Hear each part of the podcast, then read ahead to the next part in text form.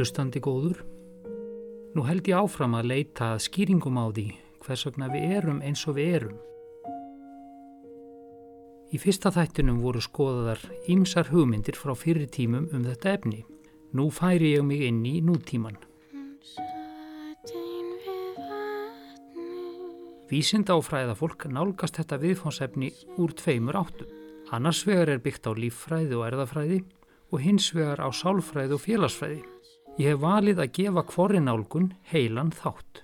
Félagsvísindin býða þriðja og síðasta þáttarins í þessari röð en í þessum þætti verður fjallað um lífvísindin, erðafræði og læknisfræði. Svanur, svanur, segðu mér, hvert siglir þú er sólinn fyrr? Viðmælendur mínir eru báðir læknara ment, en aðkoma þeirra að umræða efninu er þó ólík. Kári Stefánsson, læknur og forstjóri í Íslenskar erðagreiningar, byggir á rannsóknum sem ná til mjög stóra hópa þar sem lífsíni eru greind í floknum tækjabúnaði og niðurstöðunar lúta ströngum kröfum tölfræðinar. Einar Guðmundsson geðlæknir hefur engum fengist við að liðsina einstaklingum með geðran vandamál og dregur sínar álíktanir af áratuga reynslu af samtölum og meðferð.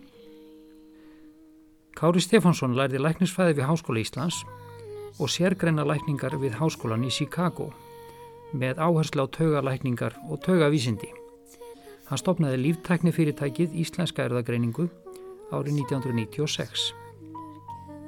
Ég heimsótti Kára í húsakinni Íslenskar erðagreiningar í Vasmýrinni. Þetta var solríkur dagur, heiðskýrt og í Vasmýrinni tóku flugvilar sig á loft og nýður þeirra heyrist í bakgrunni við talsins. Þú spyrð hvernig erðir og umhverfi spili saman til þess að búa til mannstjafnina. Það er í sjálfum sér líklega merkilegasta, mikilvægasta spurning þegar þetta kemur að lífræði almennt. Vegna þess að lífheimurinn allur saman á sér stað á þessum snertifleti meðli DNA saminda og umhverfisins sem þessa samindir er í. Og umhverfið leggur að mörgum til okkar lífs, leggur að mörgum til þess hver við erum bæði á hverjum tíma fyrir sig og síðan náttúrulega mjög mítið yfir langan tíma. Eitt gott dæmi um hvernig umhverfið hefur áhrif á það hvernig við verðum til úr því erðamengi sem við berum og síðan hvernig það breytir því erðamengi sem flist frá einni tínslu til annarar er saga Íslandinga. Nú segir landnám að Ísland hefur verið numið af norskum vítingum sem að, að fóru síðan til Írland svo náðu sér í þræl og, og fór upp til Íslands og, og numur land.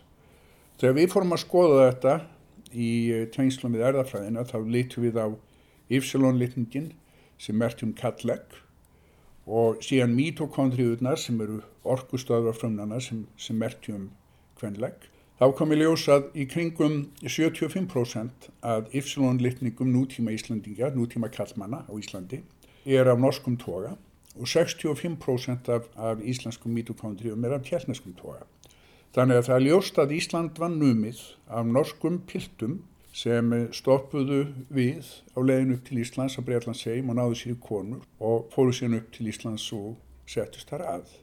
Það er ekkert í þeirri sögu sem við getum lesið út úr DNA og það er ekkert í landnámi sem segir okkur hvort að þessar konur hafi komið með fúsum og fjálsum vilja Það er alveg óvisk hversu margar þeirra hefðu leitað í hverna aðkvarfið en þær koma hingað og lögða mörgum til þess erðamengi sem býr til Íslandingja. Þannig heyrðum við Kára lýsa því hverju rannsóknir hafa skilað um uppruna Íslandinga. En hann segir einnig frá því hvernig Íslandingar hafa breyst frá því á landnámstímanum. Nú síðan fóru við og kýttum á DNA úr benagrindum frá landnámstíð og bárum það saman við DNA nútíma Íslandinga og síðan nútíma normanna og nútíma bretta. Og það sem kom okkur á óvart er að það er marktækur munur á nútíma Íslandingum og þeim sem námu land, en það er ekki marktækur munur á eh, nútíma normannum og nútíma brettum og þeir sem námu land á Íslandi. Þannig að við höfum breyst meira á þessum 1100 árum, eða erðamengi það sem flistmilli kynnslóð á Íslandi, hefur breyst meira heldur en erðamengið sem var flýst millir kynnslóða í Noregi og Breitlandi og hvernig stildi standa þessu. Þetta á rætu sínar í því að við höfum lemt í mannfalli miklu á ákveðnum tímum á svarta dauða við elgós og svo frammeins þar sem hefur myndast flöskuháls og það sem að, að litningarnir fara í egg og sáðfrumur á svona slembi haft, það er bara tilvílun að tjent hvernig það sortirast í, í kynfrumurnar Þannig að, að við það eitt þegar þú er komið með flöskuháls þá getur þú glatað fjölbreytileika, þú getur glatað ákveðnum hluti af þeim að því erðaöfni sem að, að flýst millir kynsluana.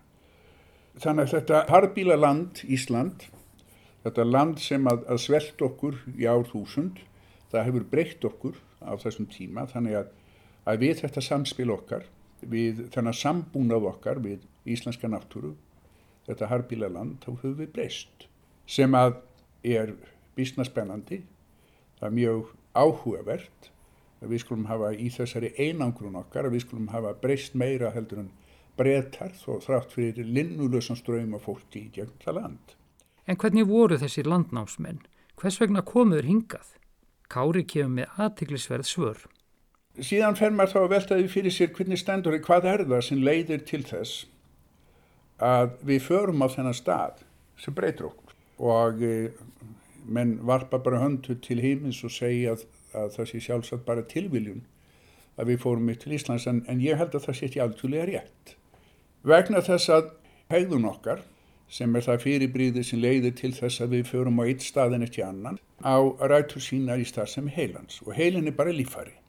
Hann er lífari eins og hjartað, lungu, nýru og svo framvegis og heilin er búin til úr samskonar upplýsingum eins og hinn lífarinn. Hann er búin til úr upplýsingum sem litja í, í rauðum nýtubasa í erðamindjunum og fjölbreytileiki í starfsemi heilans á rætu sínar í þessum fjölbreytileika í rauðum nýtubasa í erðamindjunum.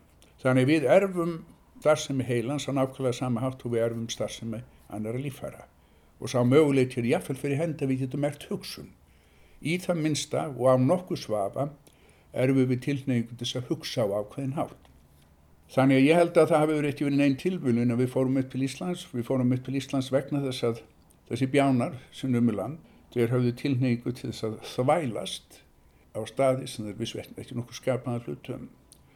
Og það meiri sér svo að sagan segir að mennitin sem um í land og Íslandi hafi verið þeir sem voru í uppreist sem Haraldi Hárfæra. Við hefum verið hinnir hugrekku sjálfstæðu uppreistnarsetjir og okkur þetta er aldrei væntum þá ímynd En nú erum við í þann vegin að ljúka við sögu sem byggir á því að skoða normendaldin ávið sem bendir til þess að við höfum alls ekkert komið frá svæðunum í kringum bergen eða þar sem að uppreysna aftur sér stað. Við höfum komið frá fátakasta kjærað í Nóri svo við vorum bara soltnir, við vorum bara svangir. Okkur langaði meiri mat og vorum svo vittlusar að við flyttust upp til Íslands og sultum svo í önnur þúsund ár. Svæðisbundin einkenni varpa þannig ljósi á uppruna Íslendinga fyrir meira en 1100 árum og svæðinsbundin einkenni koma einnig fram við rannsóknir á nýjustu kynnslóðum Íslandinga. Þú velti fyrir þér umhverfinu annarsvegar og síðan erðunum hins vegar í þessu litla samfélagi okkar sem er, er svona ungt, þetta er ekki nema 1100 ár, að það er ennhægt að ráða út úr erðameikinu þínu geografískan uppruna, það er að lesa út í hvaðni líklegt að forfæður þinni komi. Og hvað þýðir það?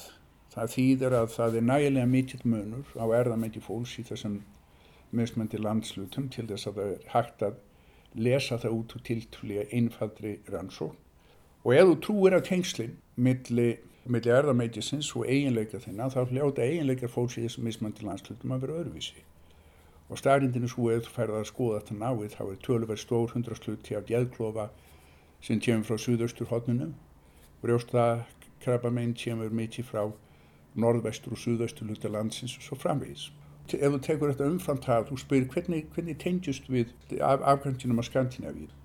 Ef þú tekur bútáur erðamenginu sem er af ákveðni lengt, sem eru, 2 miljónir nýturbasa og spyrir hversu líklegt er þú finnir samsvörun millir þessar bita annars verður í íslenskum erðamengjum og hins vegar í norskum, dönskum, sannskum, þískum, ítölskum og svo framvegis að það er miklu líklega að við finnum sansárandi býta í Skandinavíu heldur en þú fikrar því suður eftir Evrópu sem að, að samkvæmt þeirri formúlu sem við vinnum eftir þýðir það að við eigum að vera líkari þessum þjóðum í eðl okkar, í heiðun okkar, í haft, í sjútumum og svo framvegis.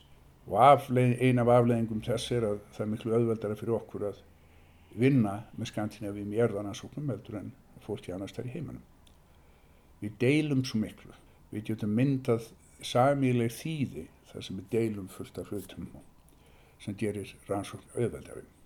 Kári nefndi hér á undan nokkra sjúkdóma og þótt forvittnilegt sé að skoða Íslandsöguna með glerugum erðafræðingana, þá hafa rannsóknir íslenskara erðagreiningar fyrst og fremst beinstað því að finna hvernig notam á erðavísindin til að greina orsakir og áhrifavalda sjúkdóma í vonum að það leiði til framfara í þróun livja og lækninga. Þar vaknar aftur spurningin um áhrif umhverfis og erða.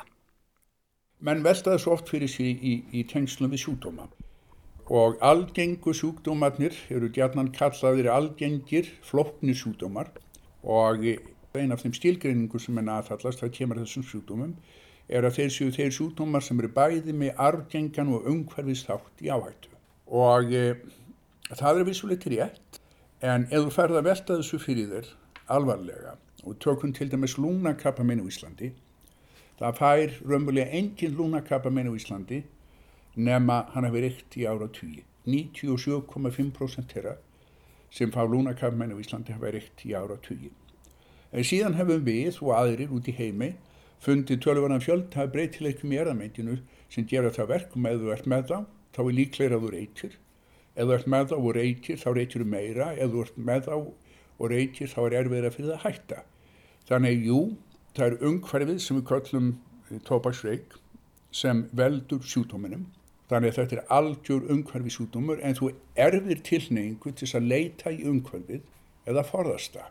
Og ég held að þetta dæmi sé nokkus konar lítill að því hvernig umhverfið hefur áhrif á okkur í gegnum erfiðnar. Þannig að erfiðnar gera það verkum að heilin á okkur er með ákveðna byttingu og með ákveðna starfsemi, vinnur og ákveðin haft, flýtur okkur og ákveðin haft Sjúkdómar geta haft mikil áhrif á þróun mannkins.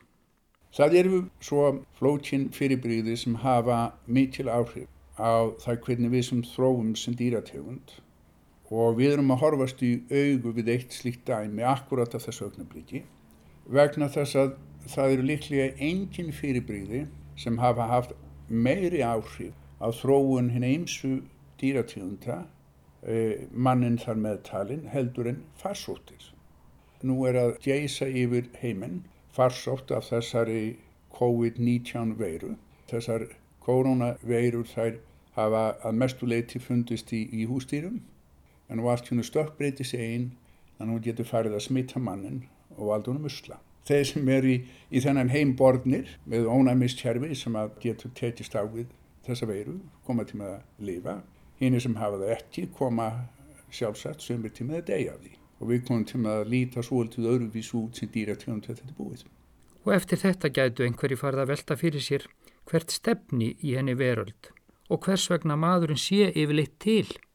Ef þú veltir fyrir þér hvers vegna þú er til sem er svona einhvers konar sýstur spurning, spurningar um það hverju tilgangur er með lífinum að þá lendu við í tölurverðum banda vegna þess að ef þú horfir á, á líf heiminn allan þá var hann allur rætur sínar í upplýsingum sem líti í DNA og lífheimurinn hefur orðið til við það að það hafa orðið stöppbreytingar í hennum ímsu erðavísum í þeim hluta erðamendjana sem hafa áhrif á hennum ímsu erðavísa. Og síðan hefur samspilið við umhverfið búið til allan þennan fjölbreytileika og um, nú hefur maðurinn dreift sér um allan nöttinn og afleggingin af því er að við hljóttum að vera með eins mítinn fjölbreytileika í mannstjefnunni eins og, eins og hægt er að bjóða upp á eins og með mannstjefni sem búi í eins fjölbreytu umhverfið eins og hægt er Náttúran velur og hafnar Lifi ég þetta af? Lifir mannkinnið þetta af? Hvað ræður þessu vali náttúrunar? Valið hefur ekkert með því sem einstakling að gera í sjálfum sér valið miðast engungu við það að viðhalda DNA á þessari jörgu. það verðist ekki verið neitt annað markmið með lífa þessari jörðu annað en að sjá til þess að, að DNA halda áfram að vera til.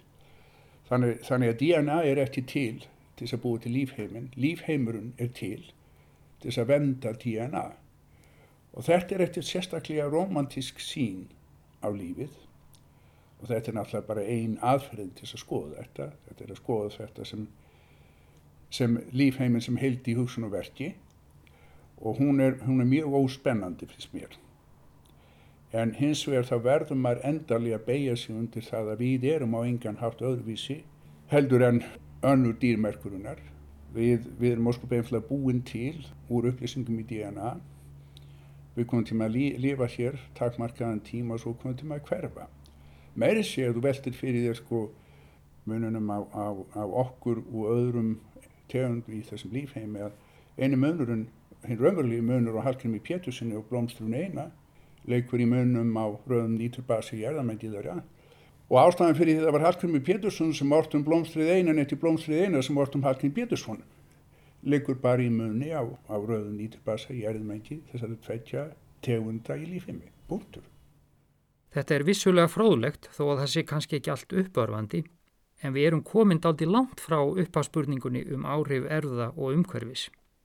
Kári kemur okkur aftur á réttabraut þegar hann lýsir nýlegri rannsókn íslenskrar erðagreiningar. Það sem ég finnst tölvöld merkilegt er að, að þegar þú, þú tekur móður bars, þá flest helmingur af erðamengi móðurinnar yfir til barsins. Hinn helmingurinn fer ekki yfir til barsins. Og við spurðum þeirra spurningar fyrir nokkrum árum, hafa breytaleikar í þeim hluta erðamengis móður sem flest ekki yfir til barsins hefur það áhrif á örlög barsins. Og við síndum fram á að það hefur áhrif á það hversu mikla mentun barnið færi endanlega sem fullorðin. Það hefur áhrif á það hversu þungt eða feitt barnið er það verður fullorðin. Það hefur áhrif á hættun á hjarta og æðasúdómum. Hefur díflega mikil áhrif á, á e, hættun á fíknisúdómum og svo framvegis. Og þá spyr maður náttúrulega hvað er þetta, hvað er þessi helmingur erðamendisinn sem flist ekki yfir til basins, hvað er hann að gera? Hann er helmingur af því sem býr til móðurina og þetta sem við gerðum er raunverulega mjög flókin aðferð við að sína fram að það sem við alltaf vitað að eðli móðurinnar hefur mikil áhrif á batnið sérstaklega fyrstu æfarun. Móðurinn er mikilvægt til þáttur af umhverju bassins. Á fyrstu árum þess og fyrstu árun hafa feitilega mikil áhrif á gerðmannstjunur sem orðin fullorðin. En við tókum þetta lengur en það. Við, við spörðum, er einhver möguleik hjá því að sáhluti erðamengis sýstinus, sem það deilir ekki með einstaklinginu sem við erum að skoða, er möguleik að það hafi áhrif á einstaklingin og staðrindinu svo að þau gera það.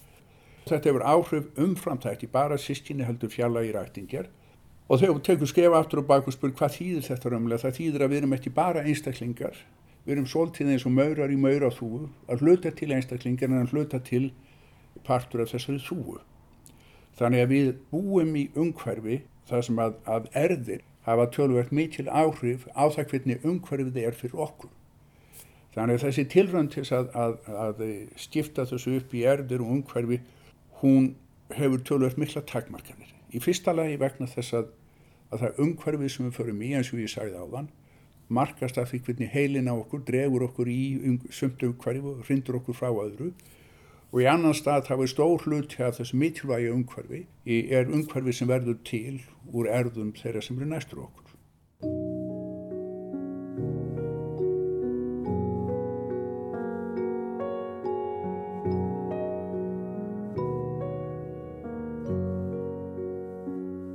Og þarna erum við þá komin inn á svið uppeldis og félagsmótunar. Við fáum ítalegri umfjöllunum það í loka þætti þessara raðar en næsti viðmælendi, Einar Guðmundsson, hefur velt fyrir sér áhrifum erða á eitt lífæri öðrum fremur, heilan, en það fæst hann við virkni heilans í starfi sínu sem geðlæknir. Einar laug læknanámi frá Háskóla Íslands og stundaði framhalsnám við háskólana í Liverpool og Oslo. Hann reykur læknastofu í turninum í kringlunni í Reykjavík og það var kaldur vetradagur og gekk á með jæljum og vindkviðum þegar viðtalið var tekið. Vindgnauðið heyrist á köplum í bakgrunni viðtalsins. Það er svolítið merkilegt með heilan að fólk hefur vita það að ímislegt erfist frá fórundrum okkar.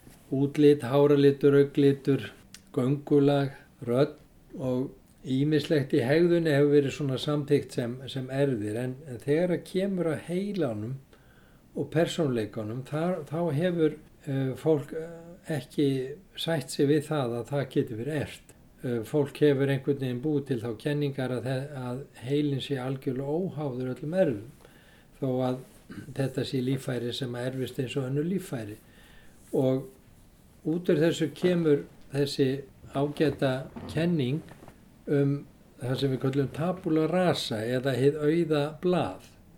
Þegar að barni fæðist að þá er heilin samkvæmt þessu tómur og síðan skrifum við á þetta blað eða fyllum heila barsins af, af reynslu og kennslu og, og, og þannig verður barnið að einstaklingi og persónleika.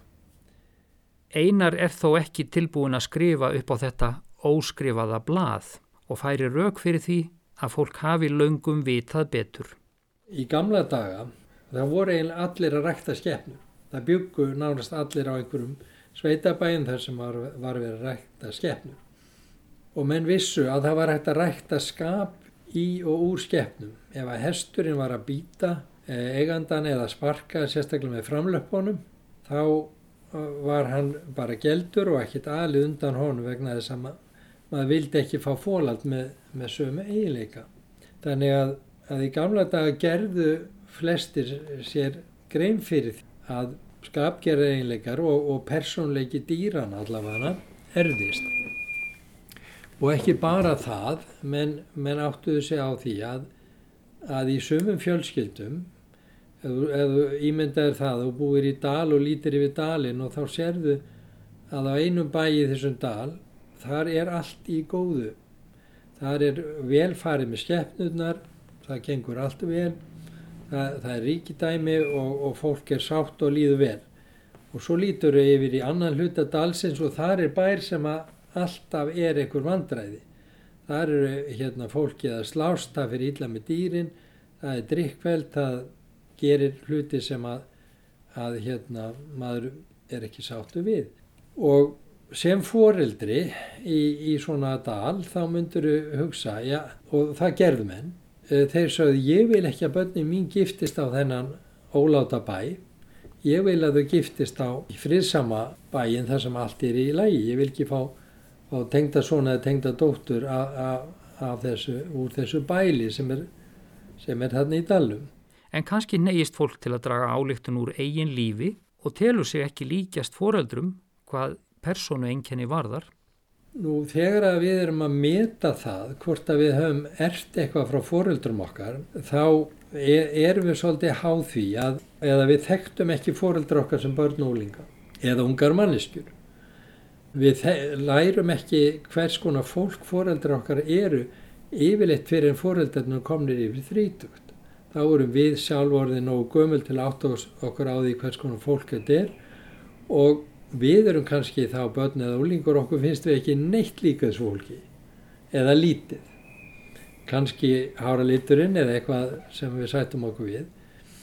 En það er ekki fyrir við erum sjálf komin yfir þrí, þrítökt að við förum að átta okkur á því að það, það er að koma fram hjá okkur eða eru hjá okkur eiginleikar sem voru hjá fóröldum og hérna eins og einn kona orðaði það ég er að verða alveg og mamma og ég þólið ekki sko vandin í þessu er, er náttúrulega sá að þegar við höfnum þessum erfum þá erum, erum við þetta afneita bæði góðu eiginleika fóreldra okkar og, og, og erfana og líka neikvæðu. Og tökum sem dæmi að maður sem að var ekkert með sérstaklega gott sjálfströst en hann átti föður sem var mjög góður ræðumadur hann sjálfur taldi sér ekki vera góðan ræðumenn en hann fór að aðtúa það, kannski ef ég erst þessa eiginleika og viti menn, hann reyndist bara nokkuð góður ræðum að þeirra holmum á komið. Einar rifjar áfram upp kenningar um geðsjúkdóma sem sumar tengjast erðum en aðrar tengjast samfélagsþáttum. Nú, þegar að kemur að, að geðsjúkdómum þá er í rauninni hinn gamla kenning að mestu leiti svo. Sjálfsagt ekki mjög fullmótuð en, en það er það að geðsjúkdómar eru erðarsjúkdómar. Maður erfir geðrænu vandamál. Síðan kemur svo kenning, menn takk eftir því að í fátækra hverfunum þar er meira um geðræn vandamál og, og glæpi auðvitað og þá kemur fram svo kenning að bara með því að auka velsældina hjá fólki e, þá muni þessi vandamál hverfa og menn gera það, menn bæta afkomi fólks og, og bæta um hverfið og, og viti menn, það, það verður heldur minna um glæpi og heldur minna um geðran vandamál á, á þessum svæðum. En þau hverfu ekki. Og þá er spurningin hvað veldur? Og þegar að maður skoðar glæpi og of, til dæmis ofbeldi og annað þá sér maður ofta að það liggur í, í ættum. Það er að segja langafi landi afa sem landi pappa sem landi soni. Og eins með kvennamegin það eru til langömmur sem voru vonda við ömmuna sem var vonda við mömmuna sem var vonda við dótturina. Þannig að maður sér að þetta liggur í ættum. Ekki engungu þó því að auðvitað eru geðran vandamál í sínu heila vandamál. Og þá er spurningin til dæmis ef við tökum persónleika þú getur verið með mjög góðan persónleika þar að segja sem fólk metur sem góðan persónleika, vinsæl og veljiðin maður og svo lendir þú kannski í slæmi höfuðauki eða bílslið eða einhverju og getur maður breyst í allt aðra persónum. Það er mjög algengt til dæmis ef að fólk lendir í höfuðauki að lendir skilnaði ári setna vegna þess að makin kemst að þetta er ekki manneskja sem ég giftist og, og, og svo framvegist. Þannig að að þetta getur byrst á ymsan hátt. Heilin og persóneinkenni eru ekki einfalt viðhónsefni og þær eru orðnar margar kenningarnar sem einar hefur kynnt sér. Ef við höldum aðeins áfram með, með þessar kenningar um uppaf gerðarna vandamála þá kemur þessi kenning með að sé fátakt og vósbúð sem að geri það verkum að fólk verði andlega vilt og, og verði glæpamenn. Síðan þegar að aðstæða fólks er bætt og það, þessi vandamál halda ennþá áfram hjá ákveðnum hópi þá fara menn út í kenningunum að þetta sé uppbeldi og þá sérstaklega var, var það sambandi við móðurina. Það var til dæmis búið til hugtak sem hétt schizophrenic mother, það er að segja móðir sem að væri þannig móðir að, að barni það, er það fengi geðklofa. Síðan bættist nú fadurinn inn í, inn í þessar hugmyndir setna þó aldrei eins alvarlega eins og móðurinn. En menn vita að þetta er, þetta er ekki skýringin. Þannig að þá verður menn mjög hrifnir af kenningunum um tráma eða, eða áfall og þá sérstaklega eh, kynferðislega áfall að kynferðislegum toga sem er eitt af því sem að Freud var nú að halda fram um aldamóti 1900 við litlar vinsældir kollega og annara. En það, svo einfalt er það ekki. Mað, maður fær til sín mannesku sem hefur lendi áföllum, jável kynferðislegum áföllum, jável naukun og öðrum annari e, slæmri meðferð sem að setur sitt mark á fólk og viðkomandi er með látt sjálfsmat, e, þunglindi, kvíða og, all, og alls konar vandamál sem að maður segir já þetta er bara afleggingar af, af áföllunum. Svo bara næsta tíma kemur manneskja sem eru með nákvæmlega sem enginni. En svo manneskja, hún hefur ekki lendi í neinu. Og jável þó maður reyni eins og sumir hafa þá farið út í að ímynda sér að, að, að þá hljóti viðkomandi bara hafa glemt því. Og það er til fólk sem að fór út í að reyna að vinga fólk til að rifja upp eitthvað sem það hafi í rauninni ekki upplifað. En smátt og smátt höfum við átt á okkar á því að erðirnar eru skiptamáli og í mínu starfi og ég býst að flesti kollega menn á Íslandi við, Ísland er það lítið að við erum alltaf að, að, að fá og sjá fólku sömu fjölskyldun. Það er mjög erfitt að, að gera það ekki, erlendis er lagð áherslu á að gera það ekki og maður sér að hvernig vandamálinn erfast og, og persónleika enginni. Það getur reynst erfitt að greina hvort persónuenkenni ráðist af erfðum eða umhverfi. Hversu mikið af persónleika einkennunum erfast, það er mjög lúmst. Ef við tökum bara eitt, eitt mjög klassisk dæmi. Svonurinn giftist konu sem líkist móðurinni. Þá getur maður álíktað. Jú, hann elskaði mömmu sína og alla konu sem inn á mömmuna þær eiga sérstakann sessi á honum eða, eða eiga, stærri, eiga meiri séns heldur en aðra konur. Eða hann erði smekk föður síns fyrir konum og oft eru þessi hlutir svo, svo lúnskir. Það getur verið litaval, það getur verið starfsval það, það, og maður hefur séð þetta sérstaklega hjá einegja tvípurum sem ekki alast upp saman. Þeir, þeir eru, sá hópur er sérstaklega aðtilsverður í sambandi við þetta, menn sjá til dæmis að einegja tvíburar sem ekki alast upp saman hegða sér líkar en einegja tvíburar sem alast upp saman. Mér einkenningin er svo að tvíburarnir sem alast upp saman, þeim finnst mjög mikilvægt að aðgreina sig. Þeir eru margir í því að velja öðru sér fött, öðru sér hálfgreislu og annað. En ef þeir eru sitt í hverju lægi þá eru þeir oft með mjög líkar vennjur. Það getur verið svona eins og tveir bræður sem að, að áttu báðu kvítan sérflett, samskona sérflett og um, þeir áttu meira sér konu með sem að héttu djæn báðir, þeir eru aldrei hýst og vissi ekki að hver öðrum. Og þeir áttu samskona hunda svo, og, og margt fleira var sammeilitt hjá þessum mönnum. Það er svo margt í þessu sem að, að við, vegna þess að við erum oft með aðra skýringar. Já, persónu enginni tvíbura áhugavert viðfánsefni. Og við heyrum meira um það í þriðja þættinum því að sálfræðingar hafa einmitt notað tvíbura rannsóknir til að reyna átta sig á áhrifum erfða og umhverfis. En aftur að dæmum einars, nú um það að eiginleikar erfast stundum og stundum ekki. Ég tek stundum sem dæmi hvernig þetta getur erfst. Sko ef þú hefur ekki erft eiginleika fóreldrana þá hérna myndu ekki ab eftir þeim svo öðvöldlega tökum sem dæmi, í sumu fjölskyldum þá eru hlutinni mjög mikið leindamál, það er, fólk er, er mjög einhvern veginn, allt er leindamál mamman segir við dótturinn ég ætla að fara út í búð, segði einhvern frá því og dótturinn segir já mamma mín og svo fer mamman út í búð og, og hérna dótturinn segir einhvern frá því og svo er önnur uh, mamma sem er með þessa eiginleika sem segir við dóttur sína ég ætla að fara út í búð, segði einhvern frá því og, og dóttirinn segir já mamma minn, svo fer mamman út í búð og þá segir þessi dóttirinn vinkonu sína ég er að vera brjálega í mömmu, það er allt lindamál. Ok, svo hittur þessar konur þegar þetta eru fullarna konur og, og, og svo fyrir, þú spyrir sá fyrir akkur svona mikið lindamáli hjá þér og þá segir hún mamma kendi mér þetta.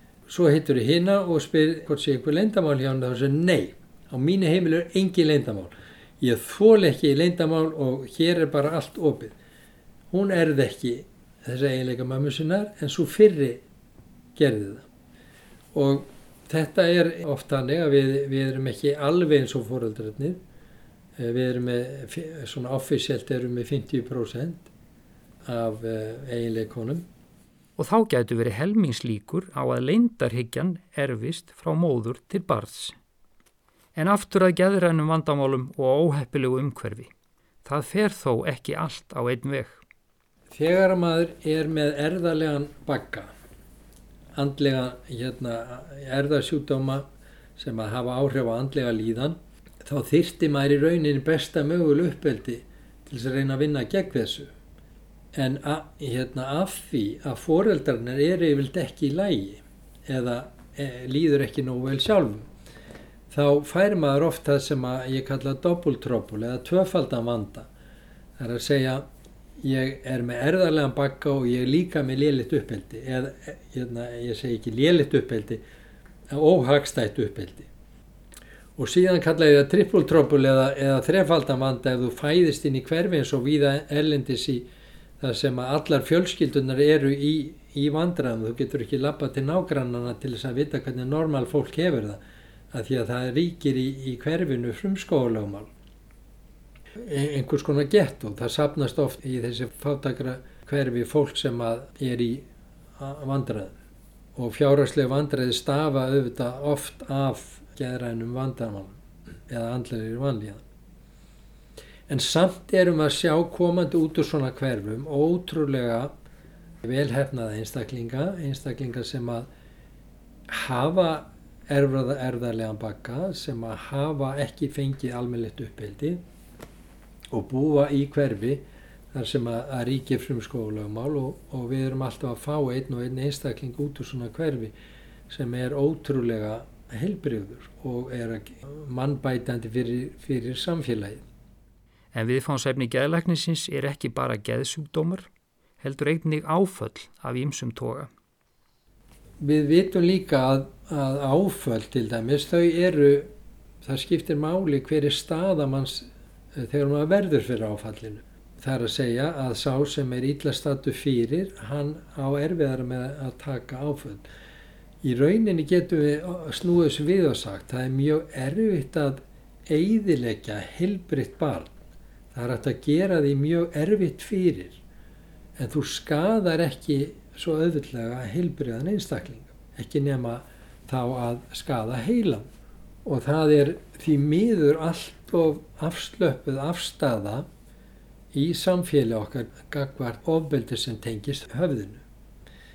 Það þarf ekki mikið högg til þess að geta orðið varanlegu skadi við komum til persónleika, persónleika breyting við komum til náu sér aldrei, verði aldrei sama manneskjan. Það er algjörlega vannmetið og, og einhver tíman hef ég heyrt tölurnar að þessu um, um 500 alvarlega höfuð áverkar á Íslanda ári og, og stór hluta því eru börn og sem þessar börn uh, munu aldrei ná sér. Að, þá meina ég að þau geta verið átt í vandræðum þó að þau kannski lífi sínu lífi svona að því er virðist eins og fólk flest þessi börn hafa tapað einhverju sem að þau höfðu, einhverju möguleikum og við getum sagt að allir geðsjúkdómar, allir taugarsjúkdómar þau, hafa af okkur aðlunahefni þau skerða hæfilöka okkar til þess að takast á við umhverju og lífið. Tækniframfarir hafa stór aukið möguleika til lífræðilegra rannsókna á heila starfsemi en þær finna þó ekki svör við öllum spurningum. Þetta er verið svona síðasta frontýr hérna, hjá manninum, það er heili vegna þess að við hefum ekki haft neina góðar aðferðir. Ég, og er, þetta er ennþá stórt vandamál. Ég fætt mannisku sem er ekki í lægi og hún er ekki í lægi á þann hátt að mig grunar að eitthvað hefur komið fyrir heilan og ég hef mjög fáar möguleika á að sína fram á það.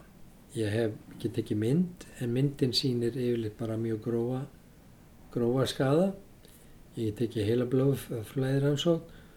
Hún sýnir starf sem er ákveðin að svæða. Ég get ekki heila línuritt ef mig grunnar að sé eitthvað þannig í gangi. En þetta er allt saman grófa rannsóknir.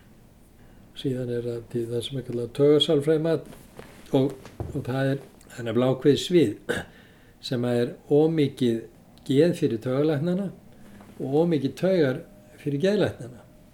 Og á því sviði hafa hérna helst taugarsálfræðingarnir unnið. Og taugarsálfræðingarnir eru mjög, hvað ég að segja, þeir eru ekki meðferð, þeir eru bara í greining. En, en þó þeir gefa þeir náttúrulega ráð og svona. Þannig að þetta er eiginlega svið sem er fallið svolítið á milli. Og, og upphalega hugmyndin hjá fröydaða að það sé til einhver, einhver persónleikin geti verið óháður heilan nánast. Hann er mjög interessant eh, en fer svolítið meira, kannski fer að nálgast meira guðfræði. Já, hér er komið að spurningu sem vísindjónum hefur ekki tekist að svara. Hvar er sálinn? Í gamla dag voru tvær kenningar. Það var, það var hérna sálinn og líkamennir sikkur hlutin og sálun og líkaminn er sami hluti. Tværkenningar í dag má ekki tala um hinakenninguna, það má bara tala um þessi allt eitt, af því annars er maður hérna talin hálfviti. En samt eru rannsóknirnar ekkert síð, síður að steyðja það. Til dæmis nýjast að hvað er, er vitundin í heilanum? Hún er bara út um allt á flegi ferð sem er algjörlega en fyrir mér algjör vonlaus von, von, skýring sem stendst ekki skoðun þannig að, að þá er spurningin með sálina er hún þá kannski bara eitthvað sem fyrir utan heilan og kem, nota bara heilan eins og, eins og hérna við varum með robot og rátir rátir í hausnum á robot. Getum bara stjórnaðum og svo framvist það er að margt í þessum. Þó að við séum að hafa verið mikla framfarir í, í að nálgast heilan skoða stærðina og, og, og, og það að einhver svæði séu, séu virk við einhverja hegðun það segir ekkit sko hvaðan hegðunni kemur.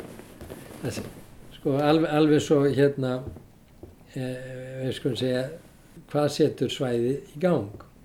Það getur verið umhverfið. Það er ekkit að þessu ekkit að þessu nýjustu kenningum sem útloka gamlu Descartes kenninguna aðskilnaður sálar og, lí, og líkama. Hins vegar er, er við alltaf að fá betur og betri mynd af, af þessu lífræðilega hluta. En við kjum aftur að erðunum og eiginleikum sem fylgja okkur frá fæðingu. Erðirnar eru einhvers konar prógram. Það er bara ákveðnum tíma eh, lífsins sem mamma fer að reyna að standa upp. Ekki að því að mamma og pappi datta í hug. Stundum er mamma og pappi æsti að koma mann á fætur. En stundum eru mamma og pappi bara afslöpuð og, og þá fyrir maður bara, tekum maður upp á sig sjálfum á okkur aldurspili og þetta er prógramið, eh, okkar genetiska prógram sem segir okkur að fara að reyna að standa upp aftur og aftur, þá getur við getum þetta. Og við höfum, höfum alls konar svona prógram, það er til dæmis mjög algeng aldursópurum fyrir tíu ára aldur að þeim finnst mjög gott að hafa rammi í kringu sig. Til dæmis að láta segja sér fyrir verkum búið til reglur og svo framvið, svo þegar vera, sem ein, einstaklinga verða ólingar þá, þá vil ég að kannski allsengareglur og svo framvið, en þetta eru prógram sem að væntalega eru þá til í okkar eh, heila. Það var og, við erum með forrit í heilanum. Kanski er samlíking heilans við tölfur gagleg til að auka skilning okkar á þessum flóknu viðfónsefnum. En ef við tökum dæmi, það er að brenna við hestúrstyrnar og hestarnir, þeir eru prógrameraðir frá náttúrulega hendi að hlaupa frá eldi. Þeir hafa hérna í raunin ekki val, þeir verða að hlaupa frá eldinu og munuð þar alveg hlaupa inn í hestúsið og hugsanlega farast. En ef að þú tekur eitthvað og breyðir yfir augun á þeim, þá er mjög líklegt að þú getur leitt á í gegnum eldin vegna þess að, að það er fyrst og fremst sjónin sem að að gera það verkum að þeir get ekki farið í gegn. En þú sjálfur, þú getur valið að hlaupa frá eldinum inn í hestúsið og farast með hestinum. Þú getur valið að hlaupa í gegnum eldin og, og, og reyna að bjarga þér þannig. Þú getur líka valið að lappin í eldin og standa þar og láta þið brennu upp. Erfiðnar þínar eru örgla skildar erfum hersins. Það er segja hlöftu frá eldinum. En skinnsemiðinn og, og aðri hlutar heilans, þeir segja nei, það er hægt að komast í gegnum eldin. Þannig að þú er þarna orðið val. Ef þú ætlar hins vegar að ganga gegn öllum þínum erfðum eins og það er að standa í eldinum og láta þið farast þar, þá krefst það vilja og þessi vilji hann þarf að vera því meiri því meira sem maður ætlar að ganga gegn erfan þannig að láta sér brenna upp í hestústýrunum það krefst ótrúlegs vilja. Og það er eitthvað fyrirbæri sem að við höfum sem að virðist óveræta erðirnar sem er kvöldum vilja. Við höfum til dæmis hver erðir segja að fá þeir að borða þeir úr svangur. Og enn meiri krafa þegar eftir sem verið svongari en þú getur ákveð að svelta því hel. Og til þess að svelta því hel þá þarftu að yfirgnæfa erðirnar þínar með viljanum og það er gott að hafa í huga vegna þess að fólki finnst ofta þessi hugsun að við séum með, með svona miklar erðir þýði það að við verðum einhvers konar róbótar Nei, við, við höfum þennan vilja sem getur yfirkyrt eða eins og maður segir á tölvumáli, overrætað erfiðnar og þar leiðandi getum við farið aðra leið en erfiðnar segja.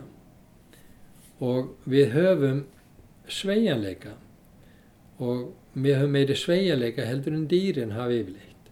Eins og ég er að segja, við getum valið það að fara í gegnum eldin þó að þó við ætlum ekki að velja þá leið að brenna upp. Nú fyrir að líða að lokum og þar sem umfjöldunum um geðsjúkdóma var líklega ekki alltaf uppörfandi, þá er ágætt að fá nú að heyra eitthvað sem eigur okkur bjart síni.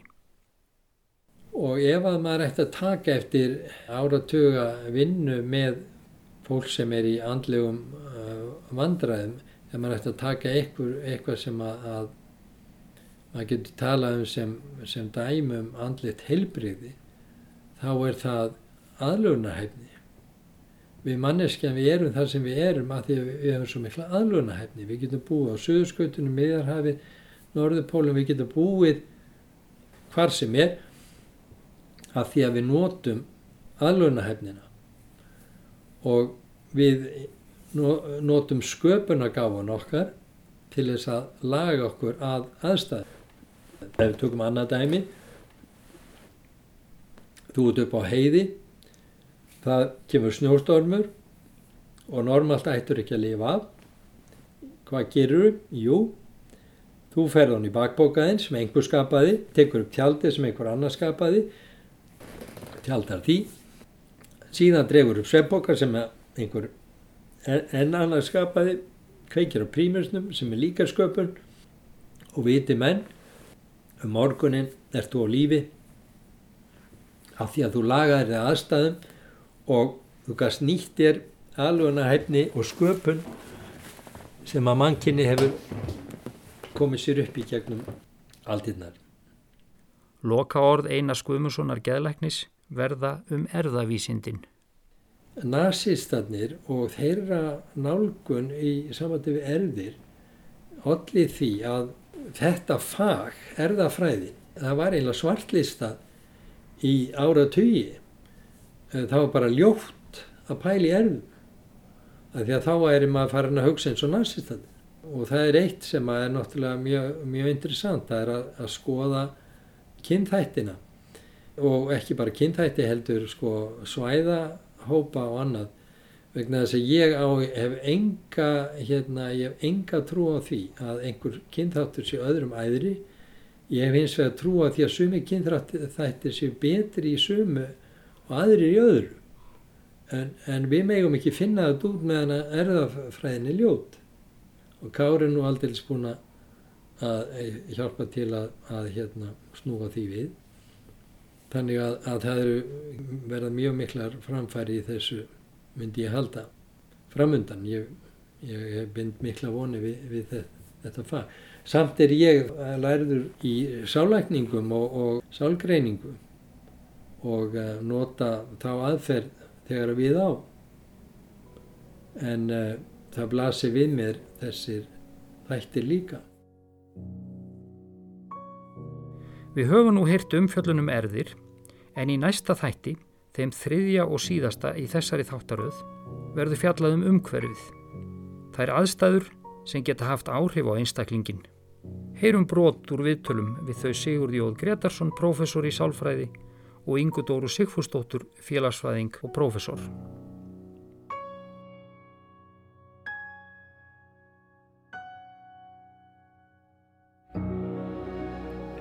En mikið af þessum pælingum og rannsóknum beindust að eh, uppeldis aðferðum og jafnvel þannig að sumum þótti nógum samanber KFUA-regluna sem er stytting fyrir kennum foreldrónum um allt sem aflaga fer. Það, það er einhvern veginn ríkt í okkur að huga að því hvað uppeldi hefur mikil áhrif og við kannski ofmetum það stundum. Auðvitað hefur uppeldi áhrif, það er ekki verið að segja að engin áhrif en, en kannski ofmetu við akkurat þátt foreldra og sjá, horfum fram hjá öðru. Og þessar rannsóknir síndu líka hvernig góðir skólar, áhrif jafningja og svo framvegis hafa, hafa áhrif á á, á niðurstöðuna sem sagt hvernig, hvernig, hvernig fólk er.